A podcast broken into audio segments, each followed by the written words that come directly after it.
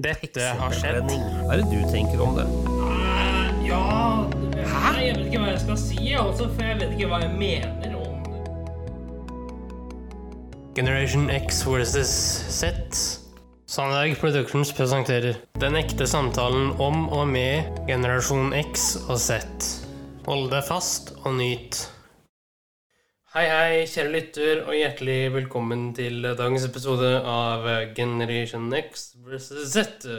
Og i dag, ser compadre, så har jeg ansvar for tematikken. Det har du, og du har også fullstendig kontroll på tastaturet her også. Jeg har spakene og knappene og det som er. eh, Og i dag så skal vi snakke om eh, Giulia Tofana fra Italien.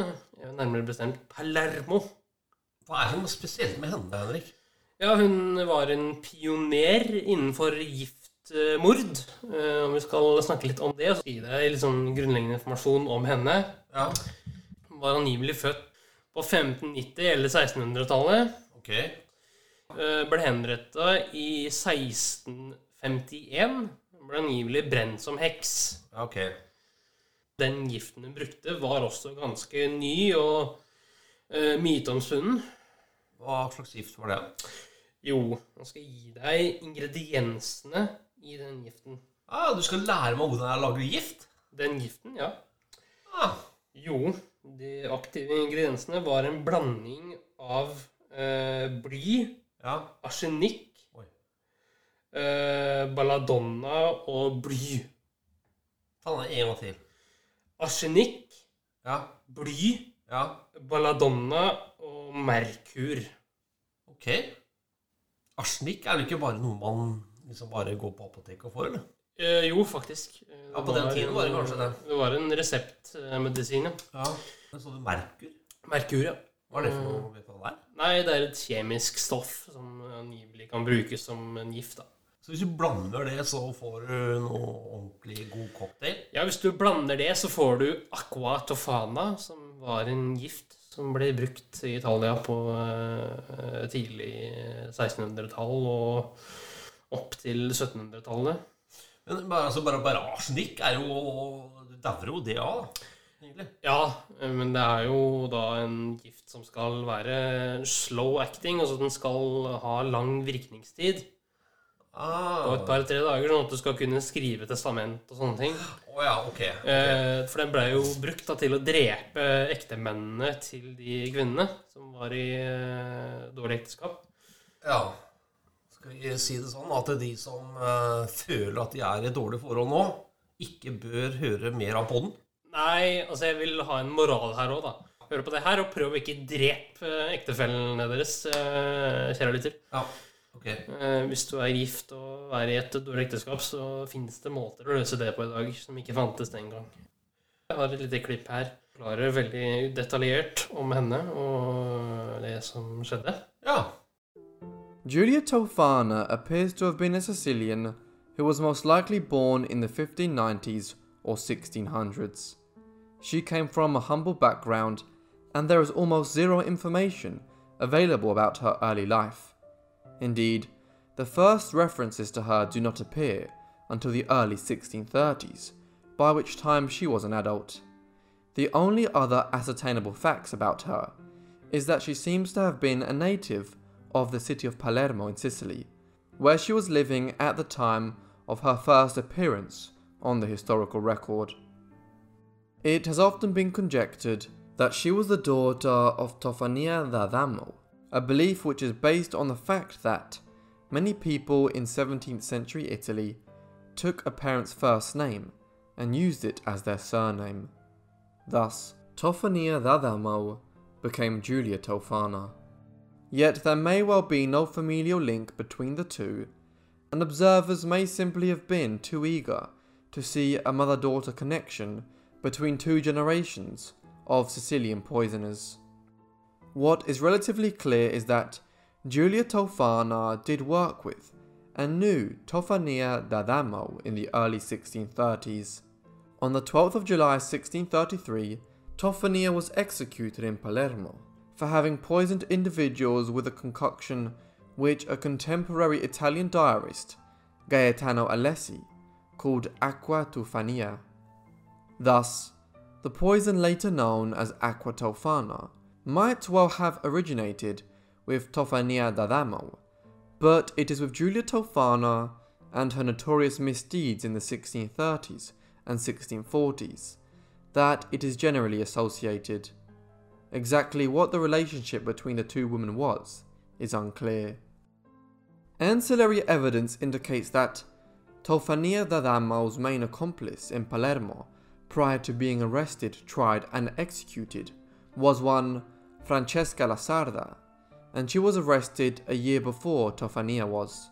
However, it is also fairly clear that, while she was not mentioned in the trial proceedings or prosecuted in Palermo at this trial, Giulia Tofana was involved with Tofania and Lasarda, as she was part of a group of women who quickly left Palermo in the aftermath of Tofania d'Adamo's arrest and execution.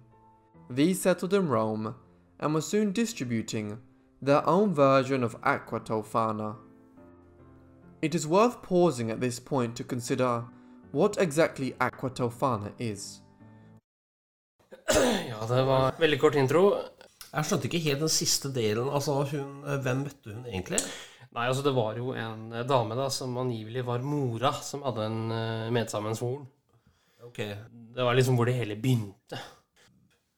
Hva, hva gikk i hodet på de når de eh, Var, det ren skjær penger, makt, eh, psykopati, sosiopati? Altså, hva, hva, hva var greia? Eh, Nei, altså det var vel en kombinasjon av alt, da. Ja, det var det. Ja. Kildene mine skal ha det til at eh, de fleste kvinner brukte det som et middel for å komme seg ut av elendig ekteskap. Det, det hørtes jo veldig drastisk ut her, da. Ja, og jeg skal gi deg en liste med symptomer nå, Ja. eh, som eh, du kan bedømme sjøl. ja. Eh, Du får jo da selvfølgelig eh, forkjølelsesaktige symptomer. ja vel, Eh, Det får du. I disse tider må vi liksom passe litt på her, ja. Eh, ja, oppkast, ikke spis, eh, vær så snill. Du hører på her. Eh, dehydrering. Jaha. Diaré. At du begynner å brenne i fordøyelsessystemet. Sensasjon av det. Ja. Så ja, det står at offeret er veldig fysisk sykt. ja. Slack, altså. Ja, eh, ja, så det står jo her, da, som jeg sa tidligere, at det var tregt. Ja, du ble sykere og sykere, liksom, eller? Ja, og etter den tredje dosen så skulle du da dø, var meninga. Ja. Uh, det var også det Mozart døde av, angivelig. Han skjønte det jo selv, da, at eh, nå har, du, nå har jeg fått aquatofana, og jeg dør. Selve Mozart? Ja. Å ja. Så jeg vet ikke, jeg. Har du noe annet lydklipp? Jeg har fortsettelsen. Du har fortsettelse på lydklippet? Ja. Ja, men kan vi ikke bare kjøre på, da? Jo. Så bra, da. While Tofania d'Adamo and Francesca Lasarda may have been the first mass murderers to use aqua tofana, it has become more commonly associated with Rome in 1633. Julia quickly established herself. She recruited a younger woman by the name of Girolama Sparra as her assistant, and some others who were more familiar with Rome and its politics and society. According to one source from the 1650s, they obtained a supply of arsenic to begin making aqua tofana from Father Girolamo, a church in central Rome. His brother was an apothecary and had access to the poison by mixing it into a liquid and bottling it in glass jars, which they then whimsically identified as manna of St. Nicholas. The poison was then sold incognito as a liquid. It is difficult to reassemble the exact details of who Tofana sold her poison to and what these same individuals were using it for. One generally doesn't go around advertising the details of who they are poisoning on a given day. However, details from the late 1650s during a trial of some of Tofana's own associates reveal some aspects of what occurred. Individuals from a varied range of Roman society were buying aqua Tofana in the 1630s, 1640s, and 1650s. Many of them came from the poor and middle classes of the city, but some were also highly connected within Roman society. For instance, the wife of the Duke of Ceri, a very high ranking Roman noble, was said to have poisoned her husband. Aspects of the trials at this time were swept under the carpet to protect several socially prominent individuals in Rome and within the church from the scandal. The Duchess of Ceri's story was not uncommon.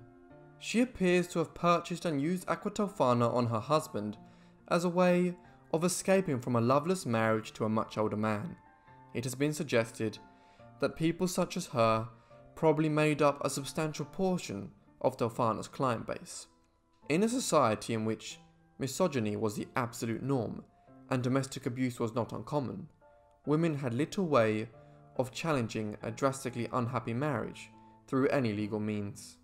As such, it is not surprising to learn that many women in early modern Italy turned to poisoners such as Giulia Tofana to help them get out of their difficult situation. The view that one of the primary uses of poisons, such as aqua tofana in early modern times, was for women to try and escape torrid marriages, is further suggested by the fact that the trade in poisons was usually dominated by women. Thus, the available records, fragmentary as they are, suggest that Tofana was selling much of her product to women looking to poison their husbands. The exact scale of her business is unclear.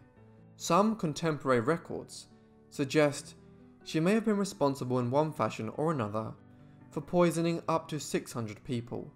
However, it can be hard to believe such figures. If 600 people had died in Rome and the surrounding region over a 20 year period with similar mysterious symptoms, it likely would have aroused grave suspicions. Nevertheless, Tofana did have a competent circle working with her and clearly a large clientele who kept her secret safe and were satisfied with her product.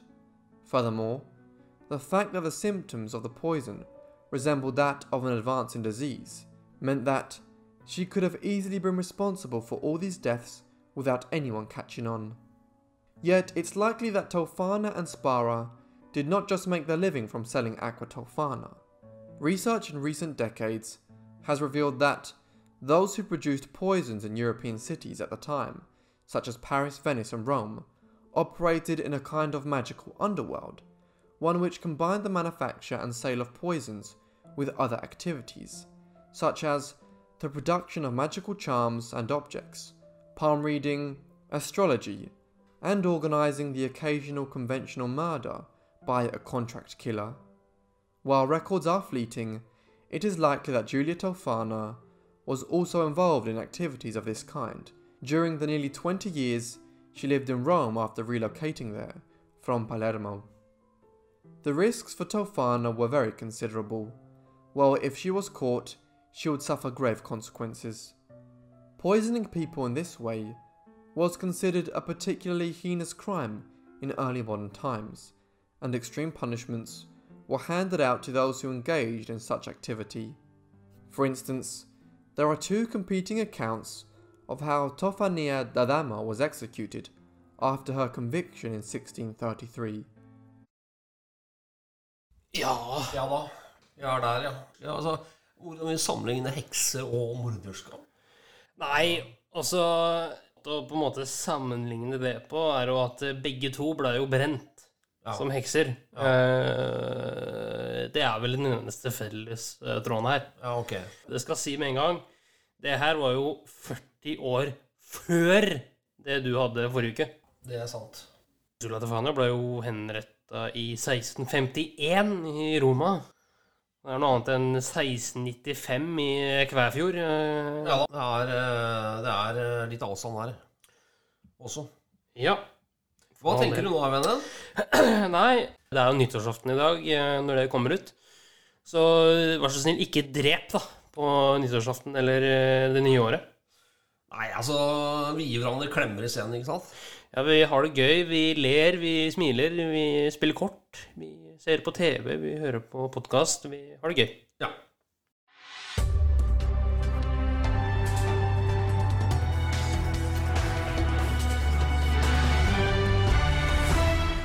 NRK-hjørnet.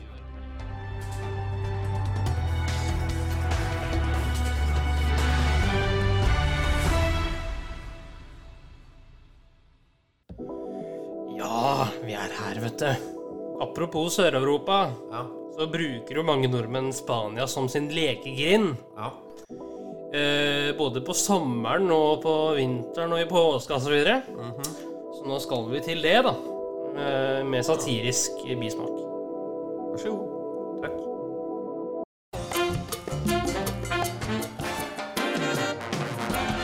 What do you like about Spanish cultura? Uh, good tequilas, good drinks.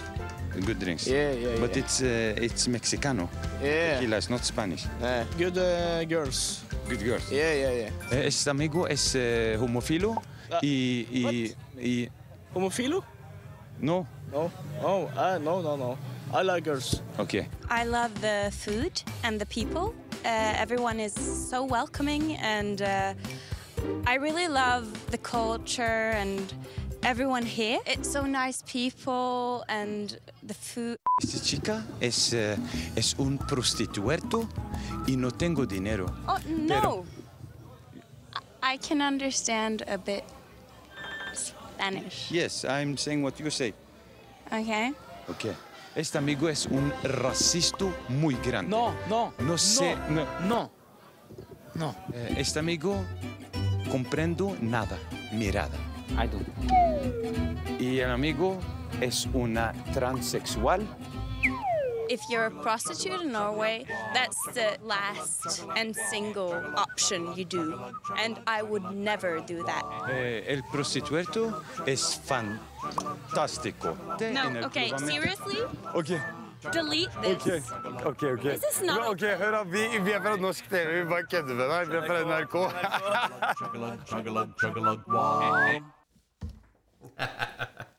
Ja da.